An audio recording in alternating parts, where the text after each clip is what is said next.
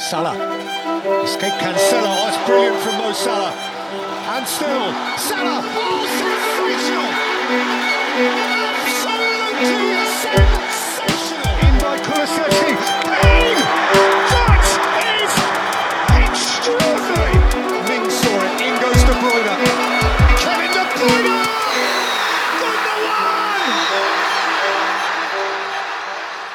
Hej allihopa och välkommen tillbaka till FBL ikväll. Det har varit landslagsuppehåll. Vi är nu tillbaka med lite FBL igen. Eh, jag tycker det ska bli otroligt kul att eh, Premier League är tillbaka. Hur känner du Gustav? Ja, det är klart att det ska bli otroligt kul. Det är ju eh, helt ärligt, ska man vara helt ärlig så är det ganska tråkigt med landslagsuppehåll, eh, speciellt när Sverige spelar som man gör, gör nu.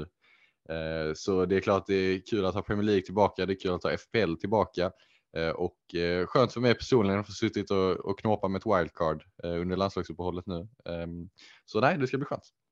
Ja, hur har det gått med det här eh, wildcard-bygget? Jag antar att du har suttit många, många timmar redan.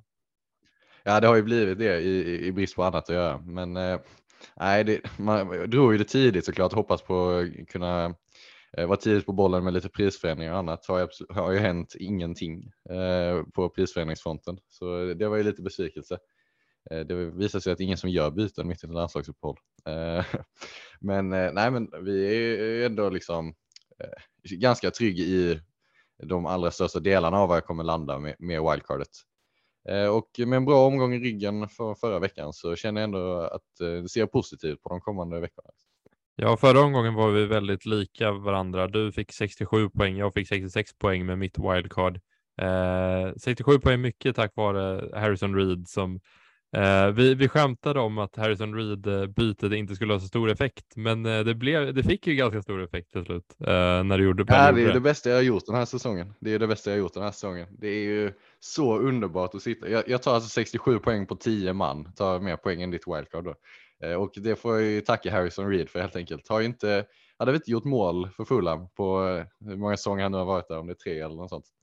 Eh, men eh, det är ju en första och sista gången jag startar honom i FPL. Det eh, kommer aldrig hända igen. Nottingham Forest borta, får ju ingenting från Andreas Pereira, får ingenting från Mitrovic. Men då kliver han fram. Skickar in ett ganska fint mål faktiskt och tar tre bonus på det. Tio 10 poäng som jag tror, ja, det, det var ju 10 nettopoäng i princip. Det var ingen annan som hade honom. Så det, 10 gratispoäng som man Eh, liksom gav ett ganska bra försprång och en bra boost in i omgången för att sen kunna liksom, eh, skydda sig mot det tappet som kom från alla som drog wildcard förra veckan. Ja, alltså jag är ju väldigt nöjd med mitt wildcard. Jag kände att jag gjorde det väldigt bra omgång. Jag klättrade ändå från 500 000 till 250 000 och eh, jag tycker att jag sitter bra på det framöver med eh, och redan har fått in spelare som Madison och Zaha och Guehi och eh, de här eh, spelarna som nu ser bra ut framöver. Eh, stora frågan för många kommer ju vara det här omgången vad man gör med Alexander Isak. Vi kommer ju komma in på det när vi pratar eh, Newcastle och så. Men eh, jag var väldigt nöjd med mitt wildcard. Jag eh, liksom fick en Pettersson nolla, eh, fick liksom, eh, ja, Madison gjorde mål mot Spurs, vilket jag inte trodde på. Eh, De Bruyne gjorde bra ifrån sig. Jag, jag tycker att jag sitter ganska bra på det ändå framöver och jag tycker att jag var glad att jag skippade Bowen. Eh, ja, det, det är några beslut som jag känner att jag hamnade rätt på ändå. Ja, men det tycker jag du ska vara nöjd med. Både, både poängskörden 66 poäng är bra och eh, hur det ser ut framöver. Jag är ju alltså 67 poäng för mig från 10 spelare. Gröna pilar från 190 000 till 85 000 i världen. Det är, jag, jag, det är liksom drömscenariot. Jag hade tagit det alla dagar i veckan om någon hade erbjudit mig det innan omgången. Jag bytte in De Bruyne 10 poäng, Isak 9 poäng. Fick träff på Cancelo, Haaland, Trippier, Ramsdale och så Reed framförallt. Eh, Så även om det, Jesus gjorde mål och Kane gjorde mål, lite sådana som man inte satt på, så, så var det ju en väldigt bra omgång för mig, eh, sett till att jag inte drog wildcard. Eh, och eh, nej, men, det känns viktigt att få en bra start. Jag har fått en väldigt bra start den här säsongen, till skillnad från, från tidigare år och känner ändå att det ger liksom möjlighet att bygga vidare på det. Ja, eh, och vi, vi pratar mycket wildcard nu hittills det här avsnittet och hur eh, tänker du liksom för de som inte, eh, det är ju många som debatterar liksom, ska man dra wildcard nu? Ska man vänta lite mer, kanske köra typ i omgång 12 eller omgång 13? Vad, vad känner du kring liksom möjligheterna att köra wildcardet? Alltså, så här, det är, beror ju extremt mycket på hur laget ser ut såklart. Eh, det skiljer sig väldigt mycket från person till person. Men grejen med den här säsongen är ju att vi får eh, fria byten efter VM. Det vill säga att det första wildcard måste spelas innan VM. Och vi är ju halvvägs där redan så att det finns ju liksom begränsat antal veckor att jobba med. Eh, och så som jag ser det när man kollar på spelschemat så finns det egentligen två möjligheter, eh, två och en halv möjlighet skulle man kunna säga att dra det på. Eh, det finns eh, Eh, det alternativet som jag har gått på, att dra wildcard nu eh, till omgång nio, att eh, dumpa sina Arsenal-spelare kanske framför allt och, och, lite andra spelare som går in i sämre schema eller som man är trött på, plocka in spelare som Madison, Saha och, och andra spelare som går in i bra schema. Den möjligheten finns nu Eh, men sitter man jättebra på det, har man redan Madison, Saha i laget, då kan man skjuta på sitt wildcard, istället dra det i omgång 13. Omgång 13 som är bra av två anledningar egentligen. Dels så har vi ju eh, nyheten som kom direkt efter att vi spelade in förra avsnittet tror jag, nämligen att omgång 12 är en blank game week, det vill säga att matchen Manchester City-Arsenal har ställts in och inget av de två lagen har en match i omgång 12. Ehm, detta är ändå spelare som man vill sitta på långsiktigt. Håland, Cancelo, Martinelli, den typen av spelare. Ehm, så man vill inte skeppa alla dem bara för en omgång. Det blir svårt att ta tillbaka dem sen då. Det man kan göra om man drar wildcard omgången efter blanken är ju att man säljer, eh, säljer de här spelarna i omgång 12, plockar in bra spelare för den veckan. Sen drar wildcard omgången efter och kan plocka tillbaka alla sina City Arsenal-spelare och ladda upp på eh, topplagen som har bra schema sista fyra veckorna innan VM. Det är bra schema för Liverpool, det är bra schema för City, Arsenal och Tottenham. Och sen ett tredje lite sjukt alternativ som är att dra det i sista omgången inför VM. Eh, e-, effektivt en free hit. Eh, det vill säga att man drar det i omgång 16, bara kollar på den veckan och försöker maximera sina poäng den veckan. Det är egentligen bara ett alternativ om man har liksom ett perfekt lag, alla, i både för att hantera det som händer i omgång 9 och i omgång 13. Så det är inte ett riktigt alternativ. Så egentligen, egentligen mellan omgång 9 och omgång 13. Och det är här det blir svårt. Eh, det, jag ska bara runda av det här varför jag gick på omgång 9. Och här, jag hade ett bra lag. Jag hade kunnat klara mig utan wildcard utan några större problem. Jag kunde ta minus fyra haft ett lag som är ganska likt mitt wildcard-lag. Men jag satt och jämförde eh, mitt wildcard nu kontra det laget jag hade till omgång 9 utan wildcard och så vad jag kan göra för omgång 12, 13, hur jag kan hantera det om jag drar wildcard nu kontra vad jag hade gjort med ett wildcard i omgång 13. Och grejen blir, jag satt utan Madison, utan Saha, utan Sala, vilket är tre spelare jag, som är helt givna i mitt wildcard. Eh, och sen lite andra grejer som att jag ville byta målvakt och byta mina bänkspelare och så vidare. Eh, och när man ser på omgång 13 så visst, det är jättebra schema för de här topplagen, men deras spelare är dyra. Jag testade att bygga eh, ett potentiellt wildcard-lag till omgång 13 och får inte in så många spelare från de här topplagen ändå. Kanske en gubbe mer än vad jag får av eh, de fria byten jag har eh, efter mitt wildcard nu. Och då för att sammanfatta det här så kände jag att det fanns eh, liksom en bättre möjlighet att dra det redan till omgång 9. Jag tycker också att omgång 13 är lite sent. Alltså jag vet inte om man får ut så mycket eh, från liksom omgång 13 till omgång 16 där eh, Eh, med eh, sitt wildcard. Jag vet inte om det är tillräckligt med tid för att få ut eh, de här, ja, det, de valen du har gjort helt enkelt. Jag, jag, jag håller med om att eh, omgång nio hade jag nog kört. Det beror ju såklart på hur laget ser ut såklart, men Eh, jag förstår verkligen att du drar det just nu i omgång nio. Jag tycker att det är ett bra läge att göra det. Alltså det, det jag landar i var att det, det, är enklare för mig att dra wildcard nu och navigera omgång 12-13 med fria byten än det är att navigera eh, omgång 9 och det som händer nu med de byten jag har eh, och sen dra wildcard omgång 13. Då föredrar jag att dra wildcard nu, bygga ett lag som jag vet håller långsiktigt och sen så kan jag lägga mina byten på att Eh, navigera kring den här blanka omgången och eh, gå på lite kanske kortsiktiga satsningar däremellan liksom, med en grund som jag vet att jag kan hålla i handen hela vägen till VM. Eh, och det var någonstans det som eh, tippade det för mig. Ska vi gå in på eh, omgångens matcher eh, nu här? Eh, jag tycker att det är otroligt spännande. Delvis eh, första matchen som kommer i omgång nio som är North London Derby direkt 13.30 mellan Arsenal och Tottenham. Eh, många har ju släppt Arsenal-spelare, eh, Arsenal-backar, Arsenal-anfallare i sina wildcards.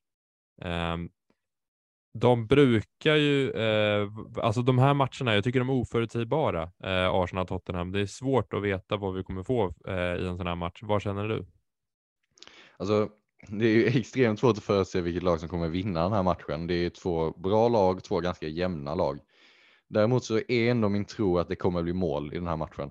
Eh, det är ändå eh, det är ändå två lag som är bättre offensivt än vad de är defensivt tycker jag och med den extremt grunda analysen så landar man i slutsatsen att det är en ganska bra chans till att det blir en del mål i den här matchen. Eh, alltså 2-1, 2-2, 3-2. Något sådant resultat hade inte förvånat mig överhuvudtaget och och tror man på, tror man på en sån matchbild så betyder det ju på automatik att, att spelare som Martinelli, Jesus, Kane, Son, eh, Saka Eh, är spelare som man utan problem egentligen kan, kan behålla och starta en sån här omgång. Men jag hade, ju, jag hade varit mer tveksam till Ramsdale, eh, Perisic, eh, defensiva spelare från de här lagen, för där tror jag inte man har så mycket att hämta. Jag är ändå ganska imponerad över Arsenals defensiv i år. Eh, jag tycker att de har tagit ett steg uppåt får man eh, lugnt säga. Både underliggande siffror och eh, insläppta mål. Eh, I just den här matchen som du säger så är det svårt mot Son och Kane. Son och Kane har väldigt bra facit mot Arsenal. Eh, men jag tycker att det här är ett annat Arsenal-lag som de möter. Jag hade inte varit jätteförvånad om Arsenal håller nere eh, Spurs målskörd i den här matchen. Men eh, jag förstår, alltså det är ju inte, om man har Son eller Kane, då eh, spelar man ju dem såklart. Och vi måste nästan prata lite om Sons hattrick från bänken här senast. Det var ju, eh, ja, jag, jag, var inte nära att ta in Son i mitt wildcard, eh, för jag, ja, jag hade en känning av att han skulle sitta bänk. Och det gjorde han och jag tyckte att det var rätt val och jag tyckte att de som valde Son hade lite flyt får man väl ändå säga. Ja, men det, det är klart, det måste man kunna säga att det var tur det var väldigt mycket som pekade på att han skulle sitta bänk och det gjorde han ju också. Eh, och en spelare som kostar nästan 12 miljoner när man tror att han kommer sitta bänk. Det finns ju, jag skulle aldrig kunna motivera att man går på den spelaren oavsett hur dåligt försvar han möter när han får hoppa in sista 30 minuter. Liksom. Sen att han gör ett hattrick, det är ju det är sånt som händer. Det är ju, det är en kvalitetsspelare. Han har, han har ju sådana här explosioner i sig. Det var ju typiskt sån hattrick. Liksom. Jättelåg XG. E, ett distansskott med höger, ett distansskott med vänstern och så ett, e, ett sista mål där han valde att skjuta istället för att passa Kane. Eh, så, så äh, vad ska man säga? Det var ju bra utfall för de som gick på sån, eh, även om jag inte tycker att det var kanske förtjänt. Men kul att se å andra sidan för FBL att sån är igång igen, för att det, det är ju roligare när det finns fler spelare eh, att, eh, att, att liksom, fler spelare som alternativ och så som han har spelat så här långt den här säsongen så har han inte varit ett alternativ på riktigt. Nej, eh, när det gäller Arsenal-spelet ska man behålla där Jesus Martinelli, alltså med blanken som vi nu vet om, eh, som kommer i omgång 12. Vad känner du? Ja, det är det som är, det är det som är problemet med Arsenal, att eh, schemat är tråkigt. De kommande fyra så har man Tottenham, man har Liverpool, sen förvisso Leeds borta och sen så en blank. Eh, så Alltså, jag, jag, tror inte att de tre matcherna, omgång 9, 10, 11, Arsenal kommer förmodligen göra mål i alla de matcherna och, och kan göra liksom två eller tre mål i några av dem också. Det är inte omöjligt. Men jag tycker, eh, sett till vad de spelarna kostar, Jesus och Saka och så vidare, att det finns bättre alternativ. Eh, jag, som det ser ut nu så kommer jag eh, behålla Martinelli i mitt wildcard eh, med planen att bänka honom i omgång 12 och sen ha honom redo för för omgång 13 hela vägen fram till VM. Eh, jag hade ju, har ju haft honom från starten, han bara kostar 6 miljoner. och gått upp till 6,6 nu. Vilket betyder att om jag säljer honom så får jag bara ut 6,3 miljoner. Och vill jag då köpa tillbaka honom sen så måste jag hitta 0,3 extra.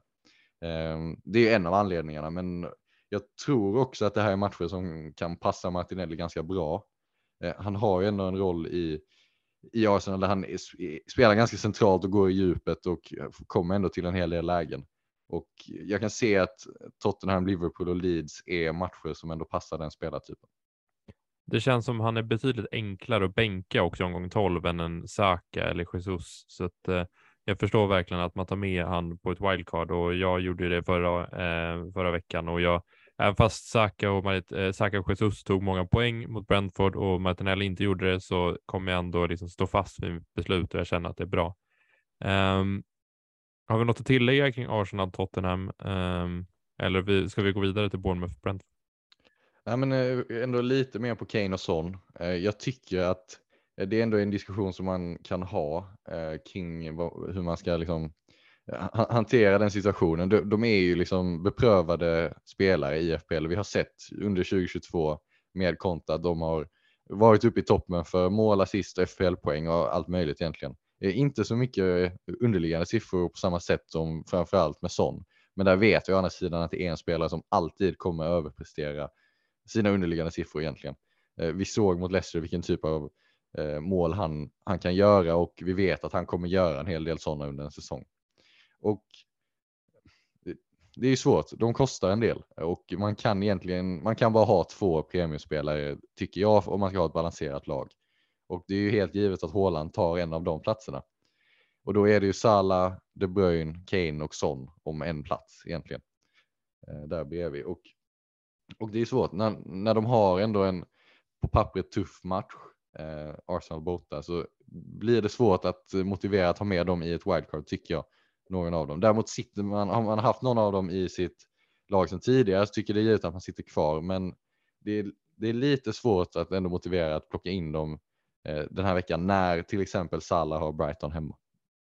Ja, alltså vilken annan FBL-säsong som helst så skulle vi säga att Harry Kane är liksom essential i vårt lag, för han har blankat en omgång den här säsongen och det var omgång ett mot Southampton. Sedan dess har han 8, 6, 10, 5, 9, 10 alltså poäng eh, i de omgångar som kommit efter och det är ju liksom Ändå så finns han inte i så jättemånga lag. Han är ju mer, mindre än 20 procent ägandeskap och jag, jag förstår det för att det är väldigt svårt att få plats med honom när man har Håland, eh, Mitrovic och ja, vi hade Isak, men eh, och Isak och Tony och de här andra eh, anfallarna. Så jag förstår verkligen att det är svårt att få in honom.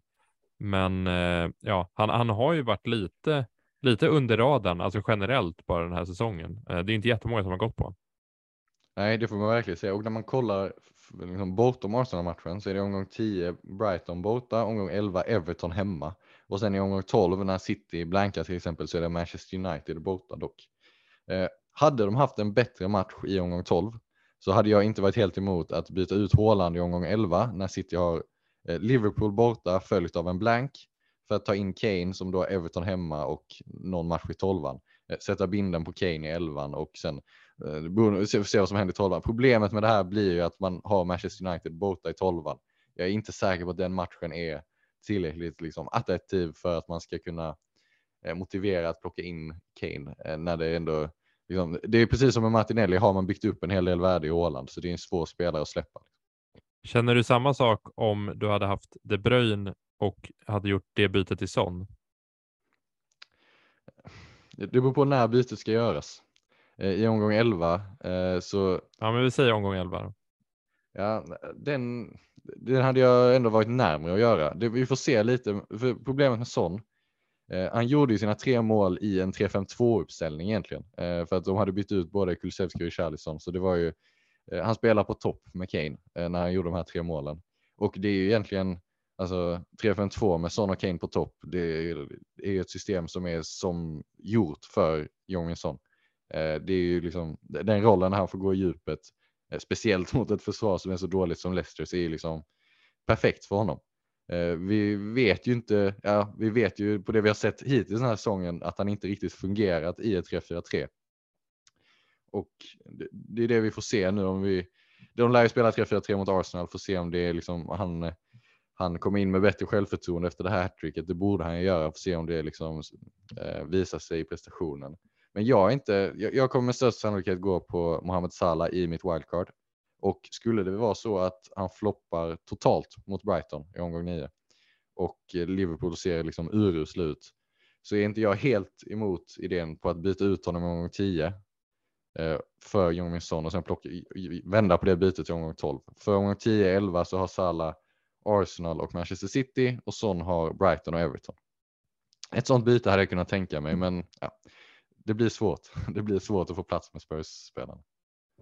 Eh, då tycker jag vi går vidare till Bournemouth Brentford och eh, där är egentligen bara två spelare som jag tycker är attraktiva och det är ju båda anfallarna i respektive lag. Eh, det har ju börjat pratas upp lite kring Solanke nu som jag nämnde förra veckan när jag skulle bygga wildcard att jag hade på känn att han skulle börja pratas upp för att vi alla skulle märka shit vilka bra, shit, vilka bra scheman har och han kostar 5,7 och så här. Eh, det är väldigt delade meningar kring honom på Twitter märker jag. Eh, det finns vissa som är liksom så här, hur kan folk ens eh, överväga honom? Och vissa är liksom, ta in honom i laget. Eh, vad känner du? Var står du i den skalan? Jag står väl någonstans mitt emellan. Eh, det, är ju, det finns jättetydliga argument både för och emot Solanke. Eh, om vi börjar med argumenten emot så är det att han spelar för Bournemouth. Det är i princip det. De är ligans sämsta anfall har eh, både som lag och Solanke själv har i, princip inte skapat någon, eh, liksom, någon expected goals överhuvudtaget den här säsongen. De är klart sämst i ligan på att skapa chanser. Um, och då, är det liksom, då skulle man kunna argumentera för att spelschemat inte spelar någon roll. Det är fortfarande Bournemouth och vi förväntar oss att de i princip aldrig gör mer än ett mål i en match.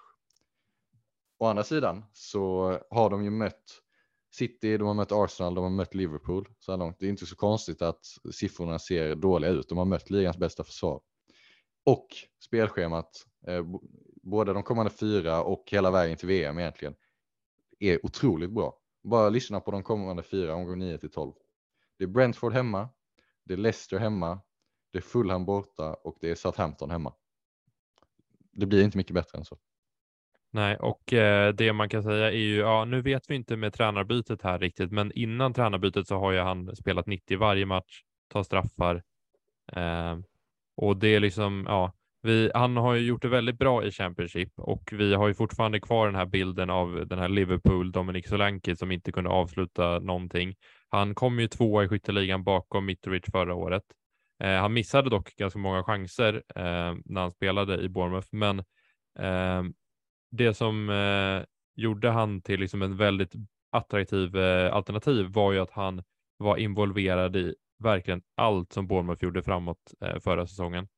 Eh, den här säsongen så tror jag att det kommer fortsätta vara så om de inte nu det är lite oroväckande med den nya tränaren. Jag vet inte. Han har ju blivit nominerad i Manager of the Month och så här grejer, men jag, jag vet inte hur. Och spelat typ en och en halv omgång den här månaden. Men, ja, ja, men verkligen. Så att, eh, det är lite svårt att veta hur hans impact på det här laget kommer påverka Solanki. Um, ehm, han är ju typ deras bästa. Eh, jag kan ju inte se att han liksom väljer någon annan för det, men det är om man börjar spela liksom med två anfallare och spela Kiefer Moore bredvid eller någonting. Jag vet inte. Um, det är svårt. Alltså i grund och botten, jag tror inte man kan ha så, man kan inte ha så stora förväntningar på Solanke om man plockar in honom. Om jag går på honom i mitt wildcard så kommer jag ha honom i fyra omgångar. Det är för de fyra matcherna som jag rabblade upp innan. Sen så kommer han ryka förmodligen för Jesus i sådana fall. Eh, och det är liksom en chansning som jag är okej okay med. Att få en då ordinarie anfallare eh, med bra siffror förra säsongen. Han gjorde ju 26 mål i Championship och jättebra underliggande siffror. Eh, så är det liksom en rimlig chansning när den spelaren kostar 5,7 miljoner. Alltså betalar ju i princip ingenting för honom. Eh, men man kan inte förvänta, alltså gör han ett, två mål på de här fyra matcherna så det är bra betalt liksom. Man kan inte, man kan inte förvänta sig att han ska liksom eh, utföra mirakel på de här matcherna. Han kostar ju 5,7 miljoner av en anledning. Så man kan inte, det är, det är ett okej okay val, och, men jag förstår å andra sidan 100 procent de som tycker att det är helt orimligt eftersom han spelar för Bournemouth, ligans sämsta eh, anfall. Och det, tycker, liksom, står man fast vid den så plocka inte in honom då, men det är liksom man får inte så många chanser att hoppa på en spelare som har de här fyra matcherna eh, i, i de kommande omgångarna.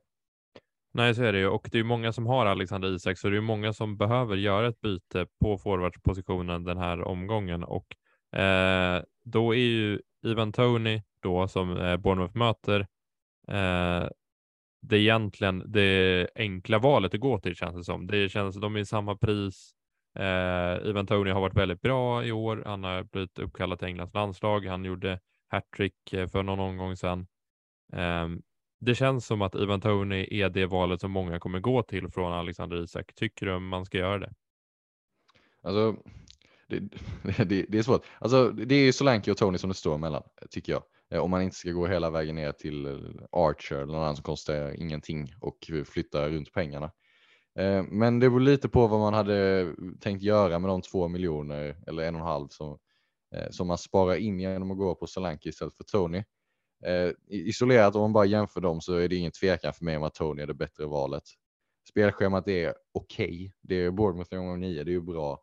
Sen är det Newcastle borta, Brighton hemma, Chelsea hemma. Det är okej. Okay. Det är inte bra, men det är inte dåligt heller. Direkt. Eh, så Tony är ju det, det, säkra valet liksom. Och har man inget annat liksom, akut behov att eh, investera, som man behöver frigöra pengar till, eh, så tycker jag att Tony är, ska vara första valet för de som letar efter en ersättare till Isak. Gillar... Om man inte har, om man har Mitrovic ska sägas, annars tycker jag att man går på honom. Mm, ja, såklart. Mitrovic är ju given. Uh, jag gillar ju Brentfords anfall eh, den här säsongen. Jag tycker att de har steppat upp ganska rejält. Eh, det, det jag inte tycker om är ju när de spelar sin fembackslinje mot de här stora lagen och då verkar de inte skapa så mycket. Men när de väl spelar sin fyrbackslinje så är jag väldigt imponerad av Brentford hittills den här säsongen när det gäller offensiven.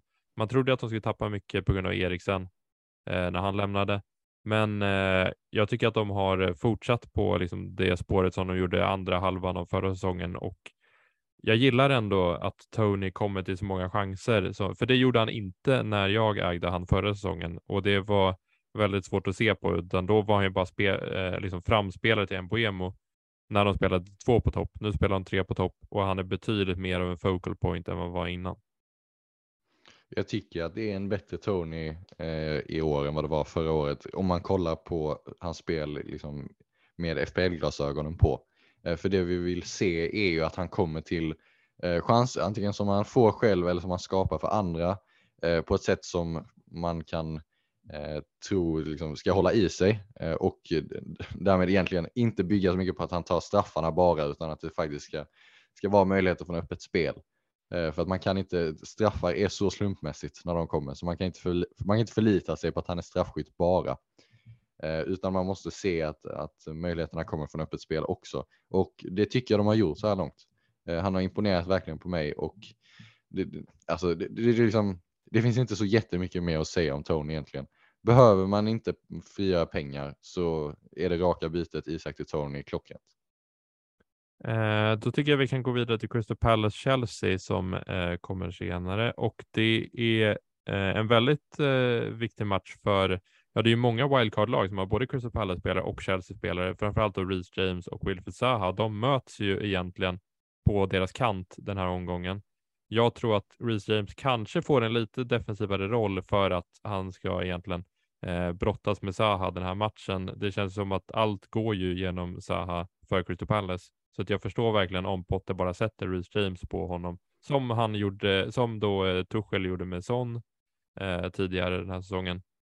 Jag, eh, jag vet inte om Potter är, har liksom samma taktiska tänk som Tuchel har när det gäller att sätta liksom, eh, högerbackar på vänsteryttrar sådär liksom punktmarkering. Men eh, ja, jag, jag, tror att det kan bli så den här matchen och att eh, Reece James kanske får lite defensivare roll det skulle kunna bli så, men samtidigt eh, hade jag varit Graham Potter, nu är jag inte det, men hade jag varit Graham Potter så hade jag ändå prioriterat att sätta ett system som man liksom kan bygga på långsiktigt. Det är ändå hans första Premier League-match. Då, jag, alltså Chelsea har så pass bra spelarmaterial att man ska kunna vinna den här matchen ändå. Jag tror att han ska, kommer prioritera att sätta, försöka hitta en elva eh, som liksom kan bli hans första elva. Nu vet jag att han gillar att rotera, det har han gjort hela sin karriär egentligen. Men, eh, och där är det ju ingen tvekan om att Reece James är wingback. Och jag tycker därför att prioritet borde vara att hitta eh, liksom en, en trebackslinje som kan spela ihop sig och sen så får Reece James vara ute på wingbacken där han ju är som bäst. Och vem man nu spelar som höger mittback, om det är Fofana eller Koulibaly eller vem nu är, ska kunna hantera Zaha ändå tycker jag. Eh, så jag tror och hoppas från ett FBL-perspektiv att James kommer spela wingback. Eh, det är det som ändå känns mest rimligt med tanke på att det är Potters första match och han borde vilja prioritera att spela ihop ett lag. Jag tycker det är väldigt svårt att se några andra alternativ i Chelsea just nu. Eh, vi vet ju inte så mycket under Potter alls, eh, vilka som kommer starta, vilka som kommer få liksom spela 90. Liksom. Det, det är svårt att Svårt att avgöra och eh, därför tycker jag att resten av Chelsea, förutom Reece James, det är typ den enda vi vet, eh, så tycker jag att det är lite void eh, just nu i alla fall för mig. Jag håller med. Det, det, vi kan nästan slå fast att det kommer dyka upp spelare i det här Chelsea-laget som kommer vara väldigt bra val och bra värde för pengar, för det är många som är ganska billigt prissatta. Problemet är att vi inte vet vem Potter kommer spela med helt enkelt. Fofana 4,4 i FPL. Jättebra om man startar. Fick ju inte starta Champions League eh, under Potters första match. Jätteoklart om han kommer spela. Eh, Kukureya samma sak. Kommer han, han borde ju vara Potters gubbe liksom, men samtidigt det finns jättemånga alternativ. Eh, och är, har Chelsea varit tillräckligt bra defensivt för att man ska kunna dubbla upp med Rhys James? Det tycker jag inte. Eh, samma sak med målvakterna, Mendy och Kepa. Jätteoklart vem som kommer spela. Och kollar man framåt så är det ju egentligen bara Raheem Sterling som har sett bra ut den här säsongen. Men han kostar 10 miljoner. Jag kan inte motivera att man lägger 10 miljoner på Raheem Sterling just nu. Det finns så mycket andra alternativ eh, att gå på och så många sätt man kan spendera de pengarna på som är bättre. Så eh, nej, jag håller med dig. Förutom Reece James så tycker jag inte man ska eh, lägga mer tid med att kolla på Chelsea-spelare.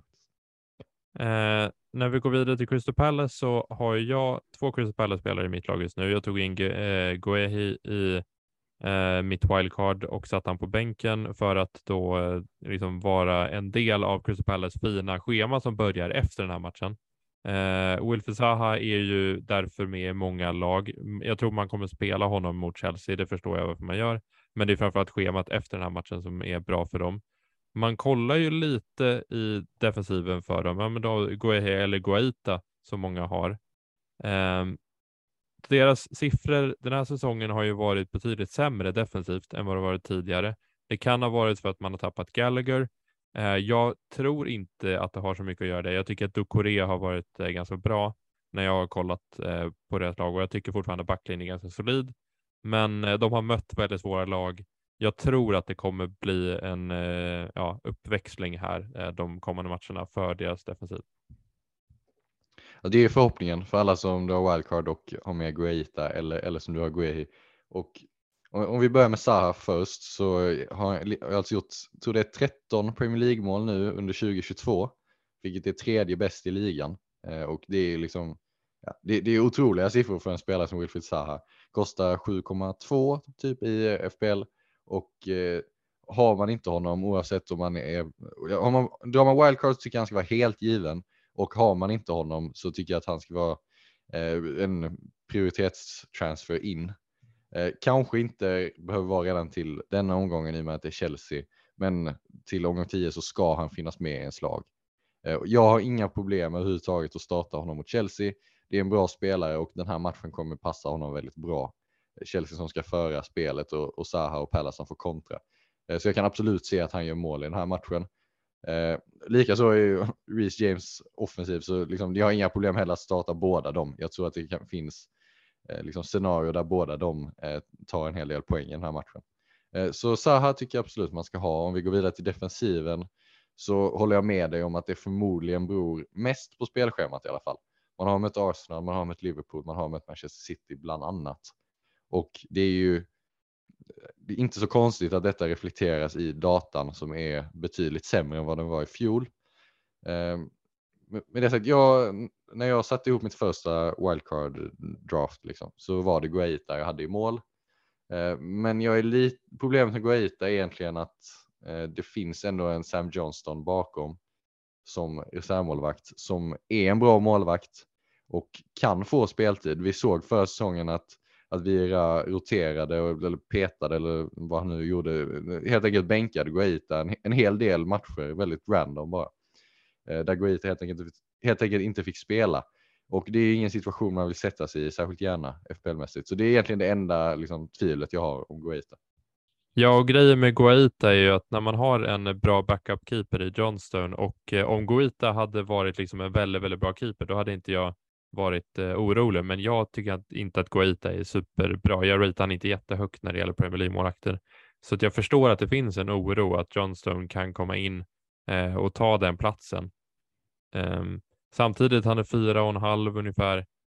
Um, det är ju en väldigt bra prislapp, men det är såklart jättejobbigt om man ska göra en eh, målvaktstransfer och man inte då eh, spelar Ward vilket man inte vill ja, lägg då till att, eh, beroende, alltså, att man förmodligen då har Ward som sin backup-målvakt i FPL. Och det är jätteoklart om han kommer att fortsätta stå också. Mm. Eh, det är ju, alla skriker ju efter att Ward ska bänkas och Iversen får spela istället för Leicester. Eh, med liksom full rätt för att Ward har varit eh, Premier, en av Premier Leagues sämsta målvakter någonsin eh, så här långt den här säsongen, utan att överdriva. Eh, och, eh, så det finns ju en potentiell situation när man, om man går på Goita och Ward, hamnar helt utan målvakt. Och jag tror inte att, i vissa veckor, jag tror inte att Goita kommer petas helt, men det finns ändå en risk för att han bara helt plötsligt missar en match. Liksom. Och det är inget jätteproblem egentligen, men det finns ändå en liten risk där och det är det som gör att jag tvekar lite. Grejen med, som jag gillar med Zaha i den här matchen, om vi går tillbaka till honom, så är det ju att Crystal Palace förmodligen kommer spela 5-4-1 i den här matchen, eh, som de har gjort mot topplagen eh, tidigare i år. Eh, när de spelade både Ward och Klein som eh, eh deras högerbackar och de spelade Zaha på topp, vilket hade varit lite eh, intressant då han gillar ju verkligen, ja men du pratar om den kontringsfotbollen eh, och det passar honom ganska bra. Han fick många lägen mot Liverpool när han spelade ensam anfallare. Um, så jag kan verkligen se att han får ja, men ett friläge eller någonting här mot Chelsea och att eh, det kan bli mål från det. Men eh, så jag, jag, tycker verkligen att man ska spela honom om man har. Jag tycker inte man ska sätta honom på bänken liksom, i en sån här match. Ska vi gå vidare till Fulham Newcastle? Det gör vi och eh, ja, där har vi egentligen Mitrovic hemma mot Newcastle, gjorde hattrick mot Sverige. Inte jättekul att se på, men eh, ja, det är, det är bara liksom att behålla. Alltså, även om man blankar mot Nottingham Forest, det, det, det, det kan alla göra. Alltså, det, det, är liksom, det är en match. Han, han, han presterar ju som en premiumspelare och kostar 6,8 eller vad han nu gör, 6,9 kanske. Eh, liksom, man kan inte ha för höga krav. Nej, han kommer inte göra mål varje match. Det är helt orimliga förväntningar, men han kommer göra mål ganska ofta och schemat är fortsatt bra. Det finns ingen anledning att inte ha Mitrovic i laget. Det, han, han och Håland ska vara helt givna i allas anfall. Sen är det frågan om man vill ha en tredje anfallare och vem den personen i sådana fall var, det ska vara. Men eh, nej, det, det, finns ingen poäng att diskutera Mitrovic egentligen. Det, all, alla vet eh, det som man behöver veta om honom och eh, förhoppningsvis har alla fått in honom i laget vid, den här, eh, vid, vid det här laget. Det känns lite jobbigt dock att spela honom mot alltså dubbelt Newcastle-försvar här. Eh, jag, Trippier och Pope har jag ju som sagt, precis som många andra hade på wildcardet förra, eh, förra veckan. Och eh, ja, det känns ju lite jobbigt att behöva spela båda. Eh, jag hade nästan funderat på att spela Patterson eh, för Trippier, men det kommer jag inte göra nu eftersom Patterson är skadad. Men eh, ja, det, det känns lite jobbigt, men det är så här, sånt får man, ja, det händer ibland i FPL. Man får, man får köpa det det händer ibland och liksom, det är, även om Mitrovic gör mål så vet du att Pope kan göra en hel del räddningar. Trippier har sitt offensiva hot så att det går att skrapa ihop en del poäng även om Newcastle skulle släppa in mål. Eh, för mig handlar det ju snarare om ifall jag överhuvudtaget ska ha en eh, defensiv Newcastle-spelare i mitt wildcard. Jag kommer definitivt inte gå på två. Jag tycker att eh, Nick Pope är det bästa målvaktsvalet Eh, om man bara ser till vem som kommer ta flest poäng från här till VM. Eh, problemet är att jag inte riktigt har råd med Nick Pope. Eh, utan det är enklast, när jag bygger ihop det laget jag helst hade velat ha så fattas det lite pengar och då är det enklaste sättet att få de pengarna att gå från Nick Pope till en 4,5 målvakt. Eh, och då är egentligen frågan för mig om jag ska ha Trippier eller inte. Och eh, där ställs ju han, för mig på wildcard ställs han mot till exempel Solanki Eh, och jag kommer komma till det sen när vi pratar om mitt, mitt wildcard-lag. Jag har en, tre olika alternativ jag jobbar med egentligen. Eh, men eh, Newcastle, anledningen till att alla dubblade, minst dubblade upp på Newcastle-defensiven eh, om man drog wildcard i omgång åtta var ju framför allt i princip att det var Bournemouth hemma i omgång åtta. Det var ju en given nolla på förhand. Nu blev det inte så eh, schemat är ändå ganska bra framöver. Det är Fulham, Brentford, Manchester United, Everton, sen Tottenham, Villa, Southampton, Chelsea innan VM. Alltså tre nollor, fyra nollor kanske, eh, rimligt utfall. Eh, och då eh, har man Pope, Trippier så är det klart man sitter kvar där och det är, eh, jag tycker båda är bra val. Eh, Pope har ju potentialen att göra sex räddningar i en match och ta tre bonus när de håller nollan upp på 11 poäng. Och Trippier har ju, som vi såg när han fixade straffen, en offensiv utgångsposition. Så båda är ju bra val. Ja, alltså det är nästan så att när man, om man inte har Trippier så är det en ganska stor risk numera eftersom han ägs av alla. Eh, så det, ja, det kan ju vara lite jobbigt. Och jag, med Nick Pope, jag tycker inte, så här, Bournemouth hemma, det är såklart att man vill ha sådana matcher, men det är ju sex poäng som är taket i sådana matcher. Eh, jag tycker att det är ändå helt okej okay för målvakter att inte ha ett perfekt schema. Eh, jag tycker att, ja, men speciellt målvakter som Pope. Jag, målvakter som Ederson hade jag inte, liksom, då, då, vill jag ha ett bra schema om jag ska gå på han. För att jag vill liksom ha nollorna, jag vet att det inte kommer komma några räddningar. Men Pope vet ju, där kommer det komma räddningar. Det kommer komma förmodligen lite bonus om man håller nollor i sådana här lite halvsvåra matcher. Eh, så jag förstår verkligen om man går eh, på Pope eh, eller Trippier. Ja, eh, jag vet inte, någon av dem i alla fall känner jag. Och det ska ju sägas att eh, Newcastle har egentligen tre tuffa matcher innan VM. Det är Manchester United, det är Tottenham och Chelsea. Och eh, håller Newcastle bara nollan i en av de här matcherna, vilket ju är ändå rimligt, eh, så är det ju 10 poäng för Pope i en sån match. För det kommer vara räddningar och det kommer vara bonus. Och han, det är det som gör att han, eh, liksom, han har den här höjden som ganska få målvakter har. Eh, och det som gör att jag tycker att han är det bästa valet. Eh, ganska solklar etta egentligen. Om jag hade fått välja en målvakt härifrån till VM. Som sagt, problemet för mig är att han är lite dyr. Han kostar ju 5,2 nu. Det är, liksom, är 0,2 mindre än vad Allison kostar. Eh, som liksom generellt har varit dyraste målvakten i spel. Eh, och eh, det, det, är därför man måste liksom ändå värdera på på en annan nivå nu. Han är en premiummålvakt. Så, så pass dyr har han blivit. Ja, och eh, med tanke på det här med Trippier också, där du pratar om svåra matcherna, liksom Manchester United, Spurs och Chelsea där. Eh, det var ju framför allt därför jag valde liksom Guehi på mitt wildcard, så att jag kunde ha en back som kunde täcka upp i de matcherna om det behövdes. Han har då Leicester, eh, Everton och Nottingham Forest i de tre matcherna. Det är ändå helt okej matcher som man kan spela en eh, billig back i. Men eh, om vi eh, går vidare lite då, eh, har vi något att tillägga eh, kring Fulham Newcastle eller? Vi kan ju bara berätta om någon har missat det att det riktas ganska kraftigt, eller riktas, det är Alexander Isak är out. Mm. Ett par veckor är liksom rapporterna. Eh, och eh, har man honom i laget så, så tycker jag man ska skeppa för det finns ingen anledning att sitta kvar och vänta på att han ska komma tillbaka. Om han väl kommer tillbaka om några veckor, det, ja, men då har ju det bästa spelschemat liksom försvunnit ändå. Eh, så han, han, är lite för dyr för att man ska bänka honom och ha kvar, utan då, då tycker jag man skeppar. Det var ju nästan perfekt utfall för dig som drog wildcard omgång nio, att alla tog in honom omgång åtta och sen skadade han sig och så måste alla använda ett byte här direkt. Så att, ja. Alltså, jag, jag, hade inte, jag var inte nära att ta med Alexander Isak i mitt wildcard ändå ska jag säga, utan han var inte i, jag övervägde inte honom överhuvudtaget, eh, oavsett om han hade varit frisk eller inte. Eh, I princip enbart eh, baserat på vad jag såg i Bournemouth-matchen, vilket var en ganska osynlig Alexander Isak. Bortsett från, bortsett från straffen så han gjorde en okej okay match liksom på ett fotbollsmässigt plan, men inte alls så som man vill se det eh, för att man ska betala 7 miljoner för honom i FPL. Um, ehm, så, så, jag hade ju lutat mot andra anfallare, både Solanke och Tony och höger. Nu är det såklart en diskussion vi inte behöver ha eftersom Isak är skadad och alla kommer byta ut honom. Ändå. Då går vi vidare på Liverpool-Brighton och eh, Liverpool är lite intressant för det är många som har släppt. Jag har släppt egentligen alla deras spelare. Eh, förutom, nej, jag har släppt alla till och med.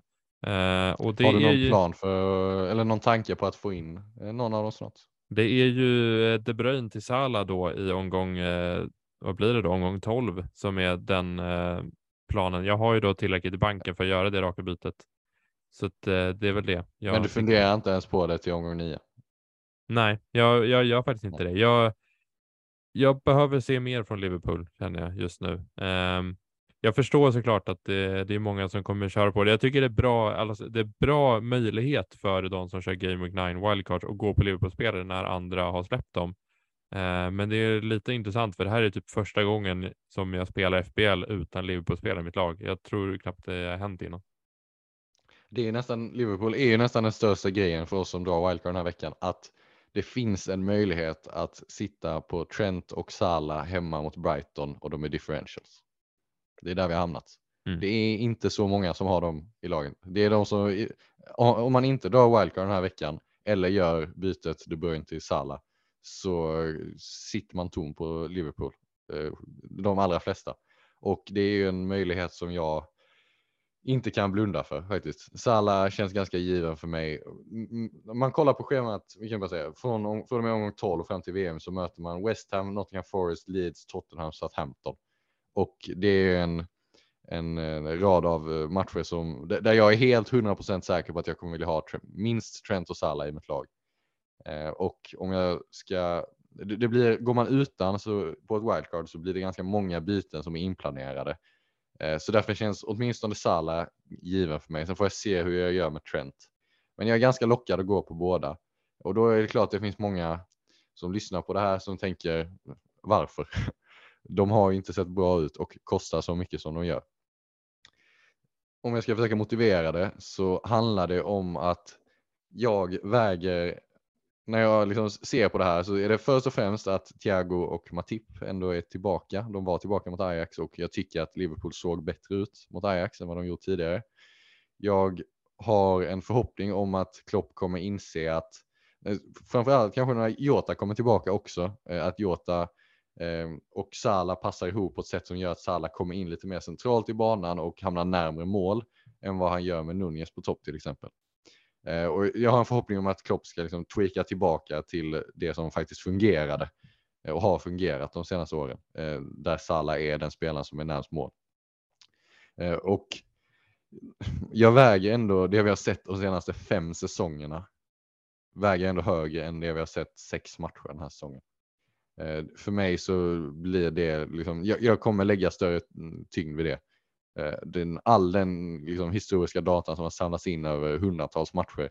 Och ja, man kan se att Liverpool inte, man kan se med blotta ögat när man kollar på matcherna att det är inte samma Liverpool så här långt i år. Men nu är Thiago tillbaka, nu är Matip tillbaka och när så många har hoppat av eh, Trent och Salah så eh, det är liksom en möjlighet som jag inte kan blunda för. Nej, men jag, jag köper det helt. Eh, det är ett, alltså ett Liverpool-lag som har, vi vet vilken höjd det finns där eh, mot Brighton hemma med ny tränare. Eh, en tränare som vad jag har läst eh, inte jättemycket om, men jag har förstått att han spelar väldigt offensiv fotboll i alla fall. Eh, alltså, man kan väl säga att det är mycket fokus på bollinnehavet och eh, ska man spela ut eh, från backlinjen mot eh, Liverpool eh, med deras pressspel så kan det ju bli tufft. Sen samtidigt, det var inte så att Brighton, det är ju lite speciellt för att eh, ofta när liksom, det är ny tränare så kommer ju laget från liksom, en svacka.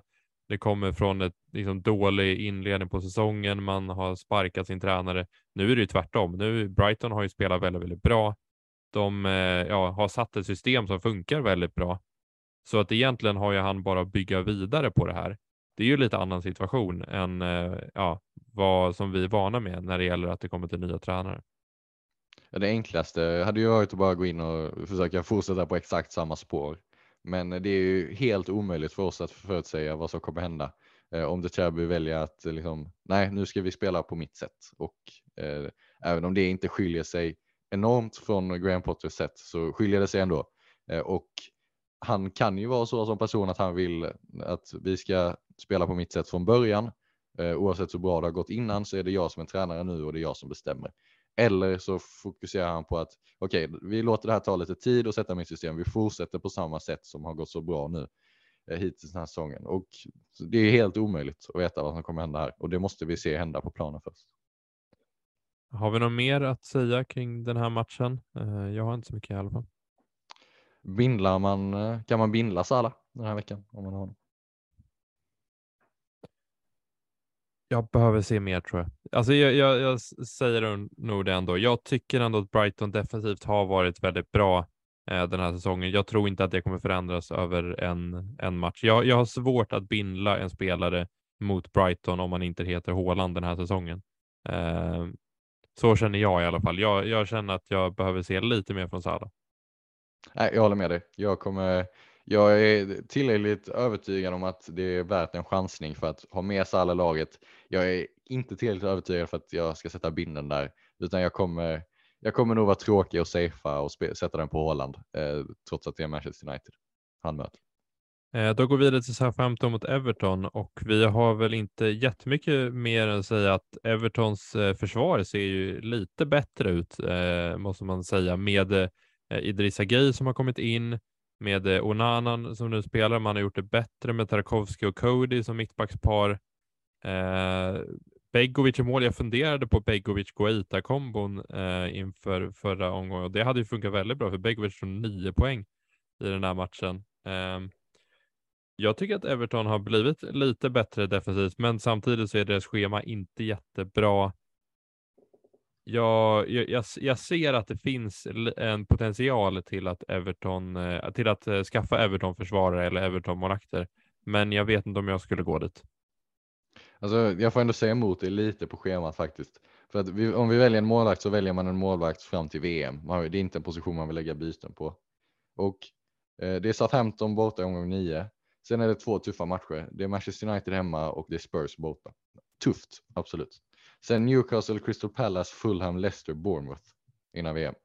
Alltså, det, det, är inte dåligt. Det tycker jag inte. Det är två tuffa matcher och det är ändå mot lag där jag kan se att det kommer en hel del skott som Pickford kan plocka och kan, kan ta lite räddningspoäng och om man kan skrälla till sig en nolla så är det 10 poäng. Lite som med Pope. Eh, så jag funderar ändå på att gå på Pickford och Begovic som mina två målvakter. Eh, det, det, är svårt. De, inför säsongen när vi pratade Everton i våra laggenomgångar så döpte vi det avsnittet till Burnley 2.0, är jag ganska säker på. Och lite den känslan är det ju med Everton, att det är fokus på defensiven, det är fokus på att vara ramstarka och sen försöka liksom riskminimera, inte släppa in så mycket mål och sen så det som händer framåt är en bonus. Eh, men med det sagt så har de underliggande siffrorna, eh, XG som man har släppt till, inte sett särskilt bra ut. Eh, så det är svårt att veta vad man ska värdera högst där. Och jag, jag har inte jätte, går jag på Pickford och Begovic så har inte jag jättehöga förhoppningar på dem. Men det är liksom i brist på alternativ för jag tycker inte det finns någon klockrent, något klockrent målvaktsval egentligen. Nej, jag tror inte det är bara jag som känner det här, men det känns väldigt konstigt att äga Pickford i FPL bara. Alltså, han har varit med länge, men det känns konstigt. Men han har ju också, han har inte varit så här billig väl? Eh, när han är nere på 4,5 har ju kostat 5 ändå de senaste åren och då är han ju verkligen inte ett alternativ. Men nu är han ändå nere på 4,5 eh, och då, ja, alltså se vad man vill om Everton, men jag tycker inte att det är en jättedum idé att gå på, på Everton-målvakterna faktiskt. Nej, eh, och kring Southampton har jag ingenting att säga som varje avsnitt vi har gjort någonsin i den här podden ungefär. Uh, jag vet Nej, inte du det, är, det är samma status på Southampton, helt ointressanta faktiskt. Och då går vi vidare till West Ham Wolves och uh, ja, uh, här skriker ju 0-0 får man ändå säga. Precis vad jag tänkte säga. Har en match någonsin luktat 0-0 lika mycket som den här? det är två lag som inte kan anfalla, men som är ganska bra på försvar.